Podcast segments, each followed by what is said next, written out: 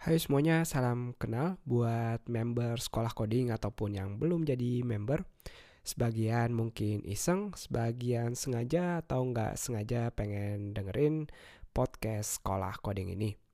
Di podcast sekolah coding ini kita bakal bebas ngobrol-ngobrolin bisa tips, trik, atau cerita-cerita yang tentunya harus bermanfaat buat semuanya. Buat meresmikan episode pertama dari podcast Sekolah Coding ini, kita mau terima kasih ke semua member yang udah ngasih masukan, kritik, atau sekedar nyampein terima kasih ke kita. Kita sendiri nggak sabar ngelihat karya-karya apa yang akan teman-teman hasilkan ke depannya. Selain buat member, tentunya buat partner sekolah coding ada Code Saya, Code Politan, Pondok Programmer, dan juga komunitas PHP Indonesia. Nggak panjang lebar lagi, kita langsung mulai. Yang mau kita omongin di episode pertama ini adalah tips biar kita bisa konsentrasi selama belajar. Sebagian dari kita ada yang udah pernah dengar istilah teko hanya ngeluarin isinya. Kalau isinya teh ya keluarnya teh, kalau kopi ya keluarnya kopi. Begitu juga dengan kita sebagai manusia, mau dalam beraktivitas atau sekedar berbicara, yang keluar tentunya apa yang ada dalam diri kita sendiri. Atau singkatnya, apa yang selama ini kita pelajari atau input yang masuk ke kita. Gimana mungkin kita mau ngasih atau ngajarin orang sesuatu yang baik, tapi kitanya sendiri nggak punya ilmunya. Dan untuk punya ilmu sendiri, apalagi proses yang harus kita lewati kalau bukan belajar. Sayangnya belajar nggak semudah itu, banyak yang nyerah di tengah jalan, banyak yang ngerasa udah belajar tapi sia-sia dan alasan-alasan lainnya.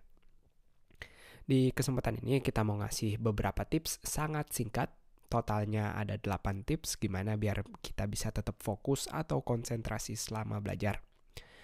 Yang pertama, yang pertama kita harus bikin rencana, jangan ngalir aja seperti air, nggak semua yang ngalir itu bagus buktinya di toilet air juga ngalir. Harus ada plan harus ada rencana apa yang mau kita selesaiin atau kita kuasain setelah selesai setelah selesai belajar. Lalu yang kedua fokus ke satu tugas atau satu tema. Karena kita tahu sering kali orang serakah berakhir dengan nggak dapet apa-apa yang ketiga istirahat, jangan kerja atau belajar seperti kereta nggak berhenti, konsentrasi nggak bisa konsisten selama itu.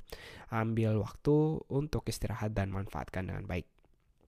Lalu berikutnya, jangan selalu cek email atau sosial media, eh, terutama zaman sekarang sosial media ada banyak banget, apalagi harus ngeceknya sampai 10 atau 15 menit sekali.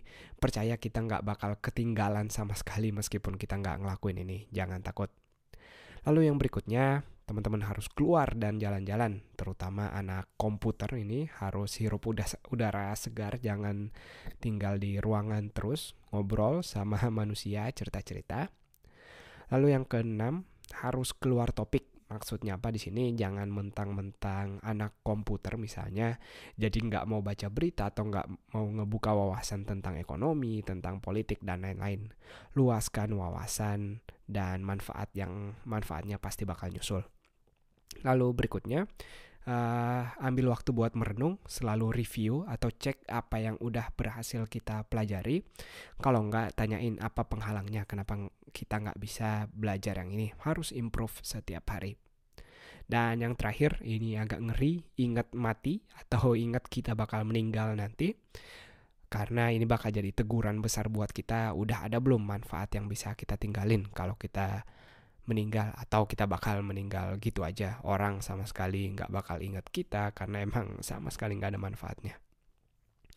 Itu dia 8 tips dari sekolah coding, singkat tapi semoga bermanfaat. Kalau yang namanya belajar gampang, semua orang pasti bakal pinter seluruh dunia ini. Tapi udah fitrahnya atau udah standarnya, cuma orang-orang yang mau berjuang dan sabar yang bisa panen hasil dari perjuangan dia selama belajar. Itu dia, sampai ketemu di episode berikutnya. Sampai jumpa.